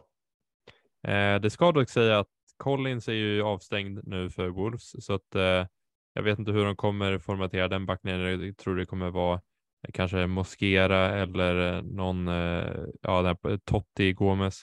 Eh, det, det, kommer i alla fall inte vara Collins och eh, Killman som har startat varje match den här säsongen som mittbackspar. Det kan ju öppna lite ytor för Jared Bowen som en del plockade in förra omgången. Jag tycker att, ja, jag vet inte vad jag ska säga. Ja, Jared Bowen, om man körde på honom, ja, då tycker man man håller kvar. Det, det, man får hålla de här ja, fyra Man måste ge honom mer tid i sådana fall. Det är Wolves hemma, Fulham hemma, så 15 borta. Har man plockat in Bowen i laget så kan man inte sälja nu. Det är ju liksom, det har gått en, du, du plockar med största sannolikhet in honom för de här fyra matcherna. Du kan inte sälja honom efter en. Man får ge honom mer tid då ju. Men jag satt här inför omgång åtta och sa att jag inte är övertygad eh, varken om West Hams schema egentligen eller om West Hams offensiv framför allt. Eh, och det fick jag ju rätt i omgång åtta. Det återstår att se om de kommer fortsätta på det spåret. Det är klart, de kommer ju göra mål. De kan inte bli nollade i alla de här matcherna. Eh, men han kostar inte 6,5 miljoner Bowen som han gjorde förra säsongen, utan han kostar 8. Och jag tycker att 8 miljoner är saftigt för en spelare som eh, spelar i ett lag som är så dåligt offensivt. Eh, det, det, det, liksom, den här höjden finns inte i Bowen. Det kan komma någon return, absolut, men ska man betala 8 miljoner så jag tycker inte han kommer i närheten av Madison eller Zaha eller sådana spelare. Och jag är inte heller så jätteintresserad av eh, någon annan i West Ham just nu. Det, de som jag kollade på var ju Zuma inför mitt wildcard. Eh, det, man kan ju lyfta Fabianski, men där har vi ju lite som Pickford liksom förra, att han är 5,0. Det är lite dyrt för en West Ham målvakt. Hade han kostat 4,5 hade han varit given i mitt lag. För West Ham är bra defensivt. De eh, må vara riktigt dåliga offensivt så här långt den här säsongen, men de kan försvara. Eh, så hade han kostat 4,5 hade han varit ganska given för mig, Fabianski. Jag, jag har funderat på honom eh, även nu när han kostar 5. Men eh, återigen samma problem som med Pope. Jag har ganska svårt att hitta de pengarna. Så de kommer med största sannolikhet inte landa där.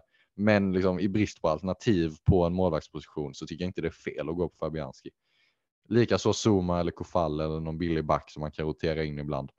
Eh, West Ham är ett bra försvar och de här, de kommer hålla en del nollor så kan man lyckas tajma tajma med att spela sin Zuma eller Kofall i den matchen de håller nollan så är de bra alternativ. Det som jag hade väldigt tur med förra omgången var att jag stod ju väldigt länge och velade mellan Patterson och Emerson. Eh, Emerson eh, kom in och spelade en minut mot Everton eh, och tog en poäng.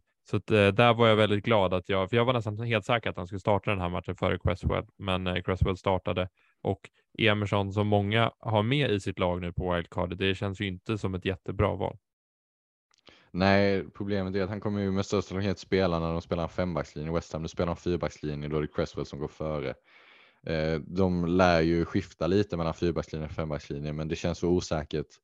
Ehm, för att jag skulle liksom kunna motivera att ha med Emerson. Jag tycker att eh, Patterson, nu får vi se hur, vad det är status är på Pattersons skada, men den är inte alltför allvarlig så tycker jag att Patterson är ett bättre val även om han missar de kommande två typ. Eh, och eh, likaså tycker jag Nico Williams är ett bättre val än Emerson om man behöver en billig back. Har vi någonting att säga kring Wolves eller ska vi bara gå vidare till United eh, eller vad säger jag, jag Manchester? Har, jag har faktiskt en Wolves-spelare i en, en, del av mina av mina tusen screenshots som ligger i kamerarullen så finns det en Wolves-spelare i en del av dem och det är Max Killman 4,5 som femte back i sådana fall som jag kan rotera in i vissa matcher. Och Wolves är också, precis som West Ham, de kan inte anfalla men de är ganska bra på försvar. Eh, och då hänger det lite på liksom, när man har tänkt spela den här eh, bänkbacken som det egentligen är. Eh, och eh, kommande, det är West Ham nu, sen är det Chelsea. Sen är det ju omgång 11 när Trippier har Manchester United borta så har Wolves Nottingham Forest hemma i omgång 12 eh, när man kommer behöva spela alla sina bänkspelare eftersom det är en blank, man vill bänka Håland, Cancelo och så vidare. Eh, då har Wolves Crystal Palace borta. Det är inte jättebra, men kan ju se 0-0 i den matchen till exempel. Eh, och sen Leicester, Brentford, Brighton eh, fortsätter det med. Det, det, han har dykt upp i en del av mina lag. Jag tycker inte att det är ett dåligt val eh, som, som en bänkgubbe. Liksom. Nej, jag, jag köper det. Det är, ja, det, det är ganska lika med de här 4,5 bänkgubbarna. Det är liksom mittbackar i eh, mittenlag ungefär som man kollar mot. Ja. Och, det, ja. och där finns det ju många alternativ. Det finns, det finns i Wolves, det finns i West Ham, det finns i Brighton också. De har ganska bra schema och 11-12 där. Eh, Everton och eh, Aston Villa. Alltså det finns mittbackar i alla de här lagen. Crystal Palace för 4,5. Eh, där alla är liksom okej, okay, men man kan inte förvänta sig så mycket. Så det spelar egentligen, det spelar inte så stor roll vem man väljer på den positionen. Det kommer men, inte skilja så mycket i poäng. Nej, men ändå har man någon känsla av att någon mittback kommer göra två mål under den här perioden och bara få någon, alltså någon så är det. hitta jackpotten. Alltså, prickar man rätt så kan det bli bra, men jag tror inte att man kommer hamna i en position där man liksom träffar fel så liksom brutalt mycket. Det är någon, någon kommer göra det jättebra, men de flesta kommer ligga inom ungefär samma poäng. Eh, då går vi vidare till Manchester-derbyt som är då på söndag klockan tre och eh, det här är ju väldigt intressant för att eh, ja, alla, nej, många bindlar kommer vara på Håland. Jag skulle nästan säga alla, men eh, och det är med all rätt. Vi vet nästan att Håland kommer att spela 90 i den här matchen eh, och då är det väldigt svårt att gå emot honom. Ja, nej, alltså det finns ju inget att säga om Håland längre. all, alla vet vad, vad, vad som finns. Liksom, allt har sagts om Håland. Han är helt uh, fantastisk. Det är klart man liksom det är den rimligaste binden den här veckan, även om det är Manchester United. City kan göra två, tre mål den här matchen, då gör väl Haaland två av dem. Liksom. Det är inte alls orimligt. Så det är egentligen an, andra City-spelare som man kan diskutera och det är väl framförallt tre stycken egentligen som jag ser är alternativ. Det är Cancelo som finns i alla lag i princip. Det är De Bruyne som fanns i ganska många som drog lag av de som drog wildcard eh, i omgång åtta och det är Phil Foden eh, som ändå är ett rimligt budgetalternativ om man inte vill, vill punga upp för, för De Bruyne. Um, och, ja, vad, vad känner du kring dem?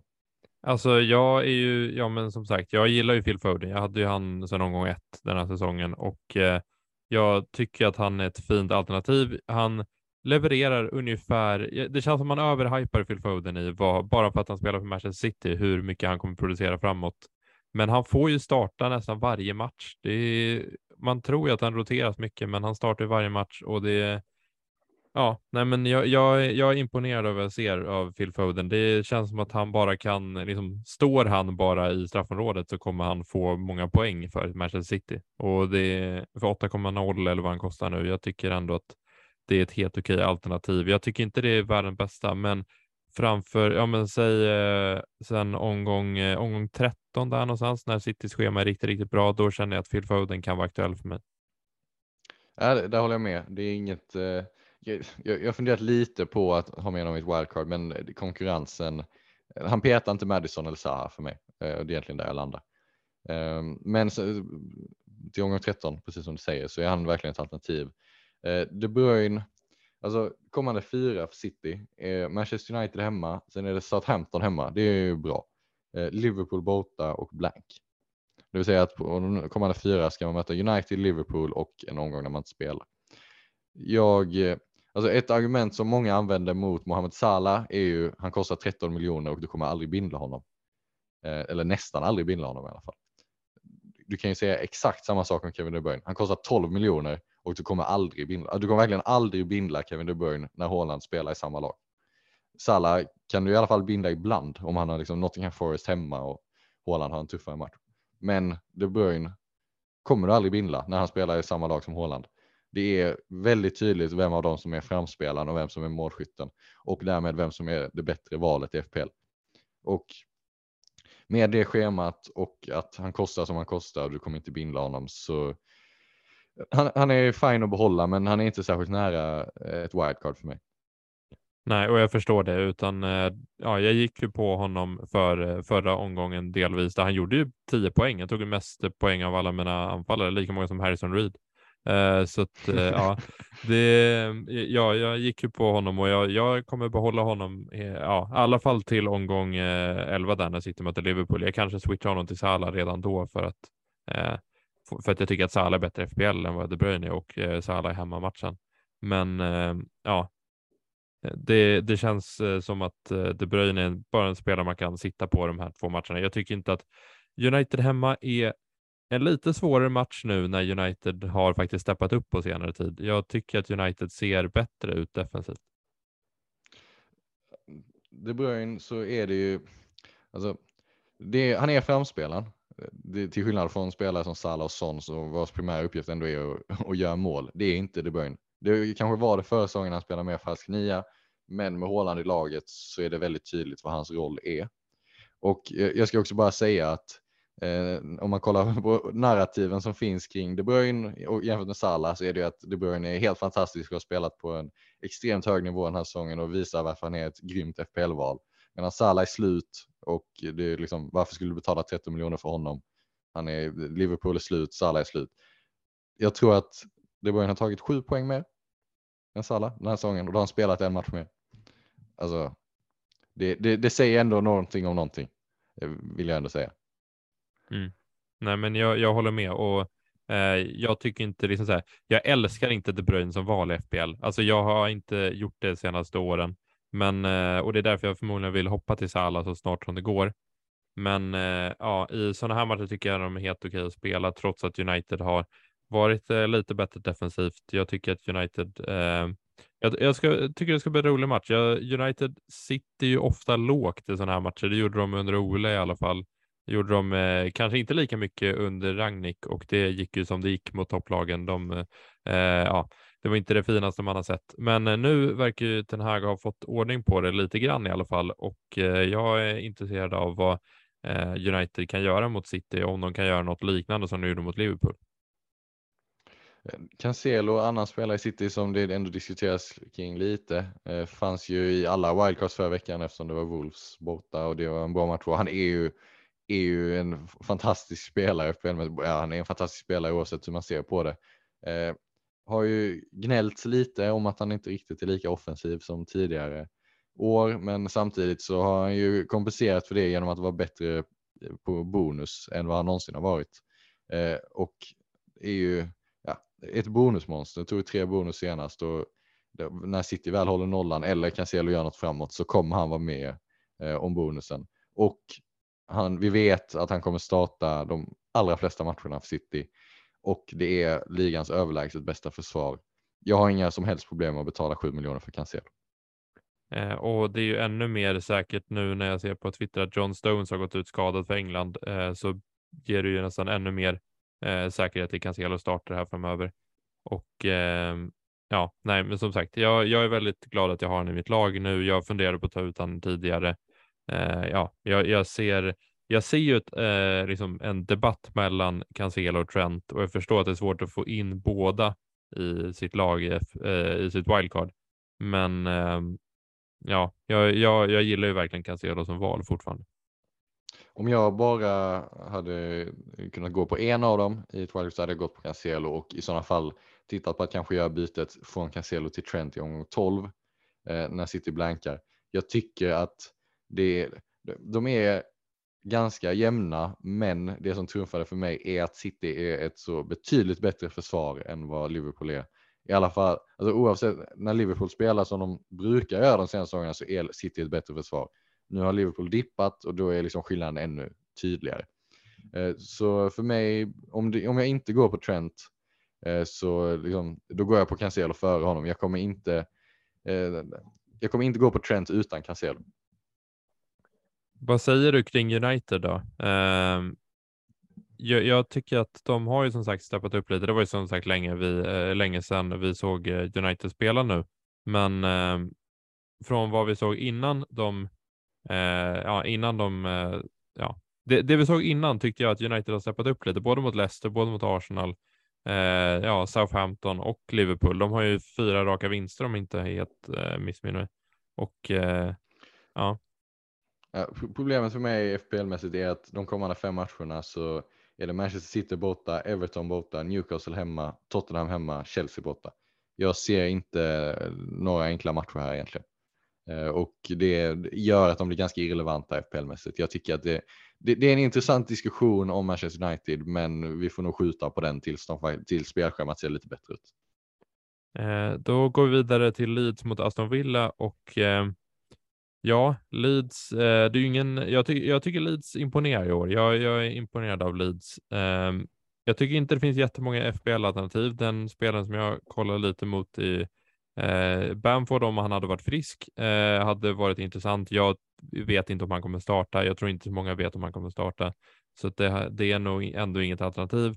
Men eh, Sinisterra är många som går på, eller några i alla fall ser jag som går på. Eh, vad känner du kring honom? Alltså, problemet med blir alternativen. Jag har ett mittfält med Salah, Madison, Saha och Martinelli just nu. Jag tycker inte han är nära att peta någon av dem. Eh, så isolerat kan han, är han ett spännande val, kan ta en del poäng, men han, liksom, ser man till alternativen så tycker jag inte att han är värt. Har du funderat någonting på Meslier i eh, målet? Eh, med tanke på att du har lite svårt att bestämma dig för målvaktsposten. Nej, det har jag faktiskt inte. Jag tycker inte att Leeds defensivt är ett lag som, alltså ska jag välja en mål, eh, målvakt som kostar 4,5 så vill jag hellre att det är eh, i ett lag som har fokus på defensiven, till exempel Everton. Eh, de är liksom ett, ett lag som fokuserar på att sätta defensiven först och sen liksom se vad som händer offensivt. Leeds vill sätta offensiven och sen får de se hur många mål de råkar släppa in. Så var det ännu mer under Bielsa, men det lever ändå kvar lite. De är i alla fall fortfarande ett lag med mer fokus på det offensiva spelet. Och det är väl egentligen det som gör att jag inte kollar på Melier. Eh, och så kollar vi på Aston Villa då och det är ju inte så jätteroligt. De eh, skapar inte så många chanser i år. De är, har näst sämst expected goals i hela ligan bakom Bournemouth bara. Eh, så att jag förstår verkligen att man inte rör Aston Villa. Jag förstår att man inte rör spelare som Watkins och så. Eh, jag tweetade ut eh, kring eh, att jag hade så här, eh, att jag övertänkte ganska mycket och hade Tyron Mings i mitt lag i mitt wildcard. Han tog ju nio poäng såklart eh, första matchen. Och det, jag, för, ja, jag förstår att det är typ den enda spelaren jag hade kollat på är typ Tyron Mings för 4,3.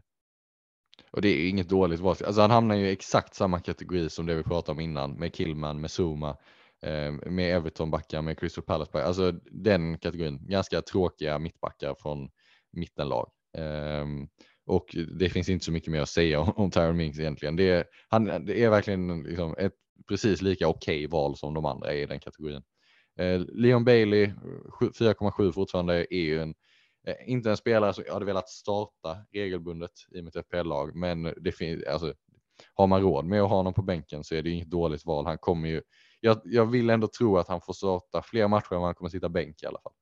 Eh, även om Gerard är ganska oförutsägbar nu när Andreas Pereira har ha tappat en del fasta situationer så köper jag verkligen att betala liksom 0,1 extra för Leon Bailey. Jag, jag, köper verkligen det om man känner att eh, eh man behöver honom på bänken. Problemet blir att i omgång 12 när det är en blank så vill man ju verkligen, om man behöver spela sina bänkspelare så vill man gärna veta att de startar. Um, och det vet man ju inte riktigt med Bailey eh, så som situationen ser ut just nu. Med det sagt, så, som sagt, jag tror han kommer starta majoriteten av matcherna i alla fall. Han är, är ju ändå en av Villas bättre spelare offensivt. Eh, men som sagt, vi har sagt det här ganska många gånger den här säsongen. Man vet aldrig med Gerard.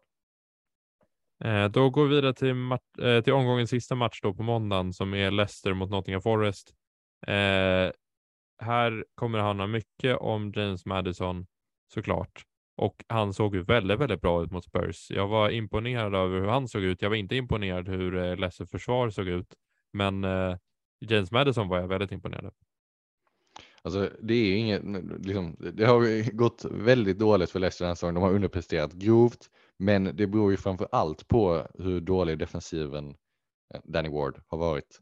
Eh, och eh, det, det, är, det, är, inget fel på offensiven egentligen och där är ju Madison nyckeln. Eh, nyckelspelarna är inblandade i det mesta. Eh, och med, om man inte är medveten om spelschemat som Leicester har så är det alltså Nottingham Forest hemma, Bournemouth borta, Crystal Palace hemma, Leeds hemma kommande fyra. Sen fortsätter det ganska bra, men det är framför allt de kommande fyra. Eh, och om man zoomar in ännu mer, de kommande två, Nottingham Forest och Bournemouth, som är ja, man kan inte be om mycket bättre schema. Eh, och därför är James Madison en av de spelarna som var anledningen till att jag drog wildcard eftersom jag inte hade Madison och jag väldigt gärna ville få in honom. Jag tycker att det är en spelare som man kan hålla i handen hela vägen till VM. Och här möter man ju Nottingham Forest som är ligans klart sämsta försvar hittills den här säsongen.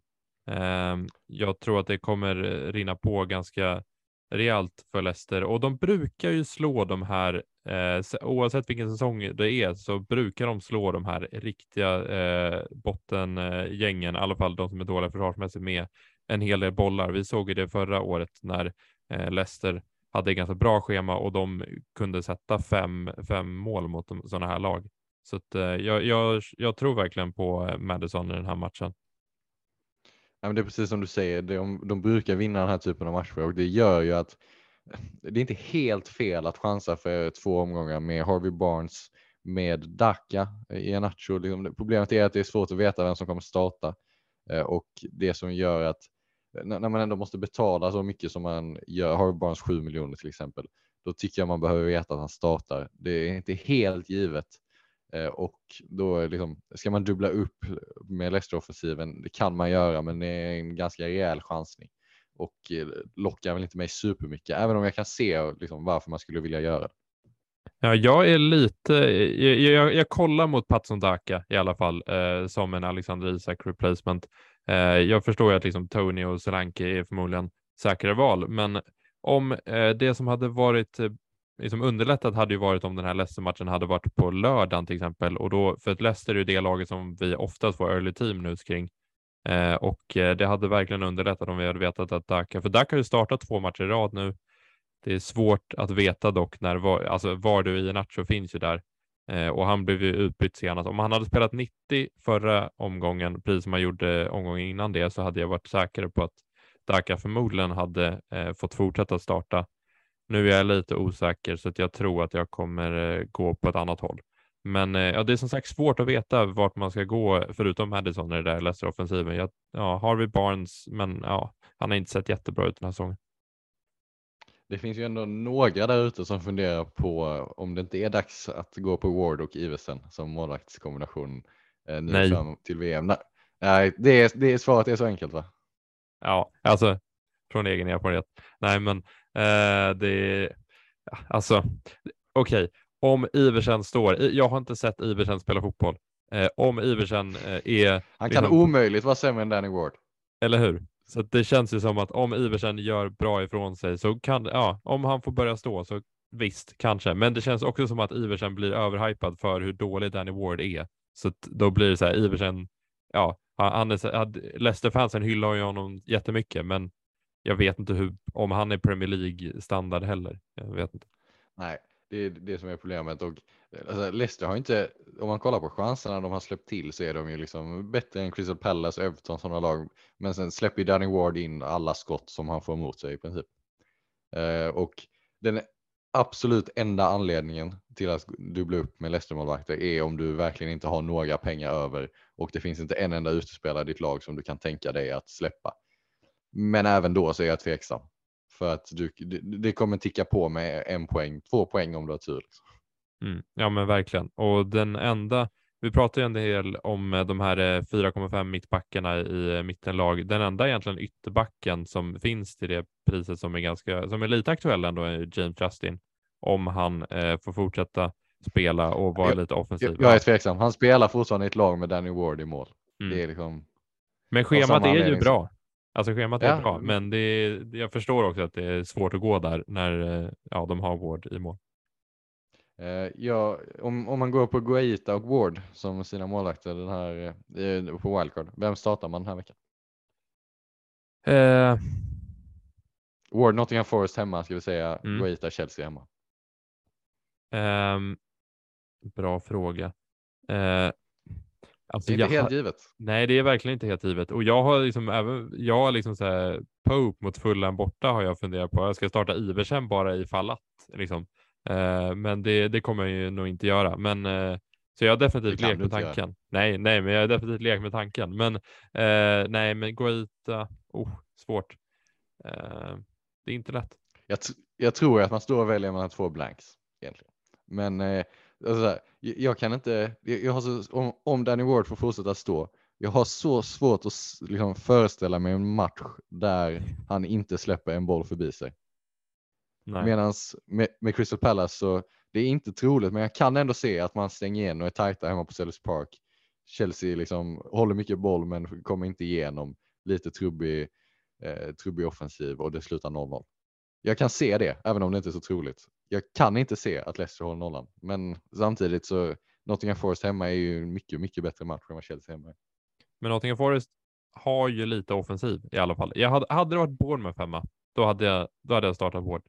Nu tror jag ändå att Nottingham Forest har lite att sätta emot Leicester. Eh, och med tanke på hur Leicester såg ut mot Spurs, släppa sex bollar, nej, jag, jag, jag tror nog ändå att jag, jag, jag köper nog ditt resonemang och köper Guaita.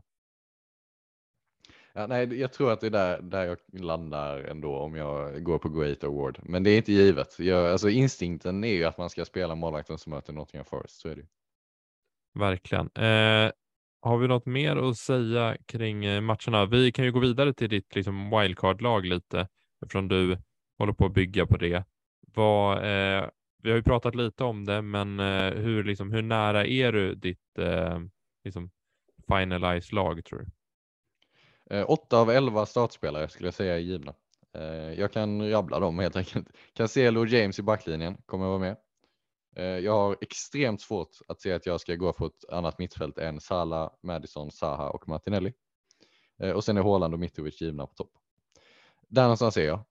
Eh, sen är det då bänken kommer avgöras beroende på hur mycket pengar jag har kvar eh, efter att jag har valt mina startspelare. Eh, det är som sagt målvaktspositionen. Eh, det har ni förmodligen listat ut så här långt. Eh, att jag har inte bestämt mig där. Det kan bli lite vem som helst. Förmodligen blir det en, det mesta talar för att det blir en 4,5 målvakt. Sen om det blir Great eller Pickford, det är väl framförallt mellan dem det står. Det får vi se. Sen är det då hur jag ska göra med Trent, Trippier, och om jag ska ha en tredje anfall eller inte. Så jag står egentligen och väljer mellan tre olika alternativ. Det ena är Trippier och Solan eller sorry, Trippier och Tony. Det andra är Trent och Solanke och eh, det tredje är Trent och Trippier, vilket i sådana fall betyder 4-4-2 eh, och Archer längst ut på bänken. Och att jag i sådana fall kommer behöva, måste byta ut en av mina, ja, förmodligen Cancelo då, för att få fullt lag om 12. Så det är Trippier och Tony, Trent och Solanke eller Trent och Trippier. Vad säger du då? Um, ja, jag förstår ju verkligen att det är ett dilemma. Uh, Trent, bra fråga. Det är, alltså det är ju otroligt jämnt. Jag, jag förstår verkligen varför du sitter i den uh, sitsen som du gör. Jag hade nog, alltså från vad jag sett den här säsongen så hade jag nog kört på eh, Trent och Trippier faktiskt. Um, och... Det är det jag är närmst personligen mm. just nu. Uh, just eftersom jag jag lockas av tanken dels på att ta Trent som differential mot Brighton, men också att ha honom där liksom från början så jag slipper lägga ett byte på det framöver. Eh, och om jag har Trent så öppnar det från början så öppnar det också upp att jag kan göra Salah till Son i omgång 10. Om jag, alltså jag har råd med den typen av byte fall ifall jag vill. Eh, men annars måste jag liksom prioritera. Jag måste spara byten för jag måste kunna få in Trent. Och eh, Trippier, och då är det liksom Trippier eh, mot Solanke som ska jämföras. Och trots att Trippier betyder att jag måste ha Archer på bänken och därmed måste eh, lägga två byten på att först byta ut Cancelo i 12 och sen byta in Cancelo i omgång 13 för att få fullt lag. Eh, så, så lutar jag åt det just eftersom att Newcastle är bra defensivt. Det är så otroligt högt ägandeskap på eh, Trippier och Pope. Så jag, eh, jag, jag spelar gärna lite safe. Eh, det, det, blir så. Det är inte bara därför, men eh, det, jag, det liksom, de, de, är ju högt ägda av en anledning. Och det är att man förväntar sig att Newcastle kommer hålla en del nollor framöver. Och Trippier bra på bonus och Trippier offensivt hot. Ja, och jag förstår. Så det är där jag landar. Ja, jag förstår verkligen att eh, liksom, eh, med Trent, att eh, alla kommer ju byta Cancelo till Trent i omgång 12 egentligen och du kommer ju liksom eh, slippa det egentligen. Du kommer ju ha honom och därmed spara in ett byte och jag förstår att därefter så kommer ju, ja, många kommer inte, många kommer säga, kommer jag gå tillbaka då till Cancelo eh, från Trent efter det? För Cancelos schema efter eh, blanken är ju väldigt, väldigt bra. Så det är svårt också att eh, sitta på båda och du får ju in båda med ditt wildcard. Och eh, då landar man någonstans i, okej okay, men då har jag bara två anfallare och vi har ju liksom suttit och pratat senaste tiden om att det finns så många anfallare att välja på och man måste ha tre anfallare nu för att det finns så otroligt många val i den kategorin. Men jag, liksom, det, jag får lite samma vibbar som inför säsongen när vi pratar om 8 miljoner mittfältarna, att man måste ha en. Att när man ställer dem mot varandra, eh, du, får väl, du måste droppa en av Trent, Cancelo och Tony. Jag droppar Tony. Du, måste, du får bara välja en av Trippier och Slanky. Jag tycker Trippier är bättre. Mm. Så, liksom, det är det det, om man, det, är det, det liksom kokas ner till. Och då när man bryter ner det så tycker jag att det är ganska det, så, det är långt ifrån solklart, men jag vet ändå vad jag tycker. Jag kan absolut komma att ändra mig eh, under den här veckan, men jag, jag är ganska nära att bara skita i den tredje anfallen. Och det förstår jag verkligen. Um, ja, och för mig är det ju mitt eh, dilemma den här omgången är ju också min tredje anfallare, att jag ska byta ut Alexander Isak mot någon. Eh, och det kan ju bli, ja men Solanke, Tony, Daka, jag vet inte riktigt, jag måste kolla närmare på det. Men eh, ja, jag har inte lika stort dilemma som du har i flera olika positioner, vilket känns lite skönt. Men det är ändå kul att vi kommer eh, different, differentiata oss lite med eh, Salah och De Bruyne i alla fall. Det är en ganska stor skillnad mellan våra lag eh, den här omgången. Ja, men det blir så. Det är ändå en del skillnad på när, när man drog sitt wildcard. Och det är också en, en ändå viktig poäng jag vill göra till alla som sitter med ett wildcard aktivt. Att jämför inte med de som drog det i omgång åtta och tänk inte vad kan jag göra för att vara annorlunda? Utan tänk vilka spelare tar flest, tror jag kommer ta flest poäng. Det är det enda ni ska tänka på. Jag vet att jag har sagt att det lockar att sitta på Trent och Salah som differentials, men det, det är liksom en bonus det, i grunden väljer jag dem för att jag tror att de kommer ta poäng och att de sparar ett byte i framtiden åt mig. Så liksom, var inte, gå inte liksom annorlunda och lite på lite mer speciella val bara för att, utan då ska det faktiskt vara för att man tror att de tar fler poäng. Eh, utan så som jag spelar FPL i alla fall, gå på dem man tror tar flest poäng. Det är ju ganska logiskt. Nu har vi spelat in eh, ganska länge här. Hur känner du? Tycker du vi ska runda av eller har du något sista att tillägga? Nej, men jag, jag tycker vi kan runda av det. Jag tycker vi har ändå liksom tagit med det mesta idag. Jag hoppas att oavsett om man drar wildcard eller inte den här veckan så har man fått eh, svar på en del frågor och fått liksom eh, några ändå så här tankeväckande grejer. Ehm, eh, och det kommer bli en spännande omgång. Det är många lag som skiljer sig mer och mer, eh, framförallt då som sagt beroende på när man drog sitt wildcard. Eh, och jag känner framöver att det ändå finns olika vägar man kan ta i FPL där man inte kan säga att den här, bara den här vägen är rätt väg, utan det finns olika sätt man kan spela på som har ungefär lika bra chans att landa i bra score. Och det är ju så FBL ska vara. Det är då det är roligt när man kan faktiskt man kan faktiskt motivera flera olika spelare. Det finns, finns inte riktigt ett facit. Nej, jag håller helt med och eh, ja, eh, jag tycker att vi rundar av med de orden. Lycka till säger vi då till eh, er alla omgång nio eh, så hörs vi nästa vecka. Eh, ha det bra allihopa.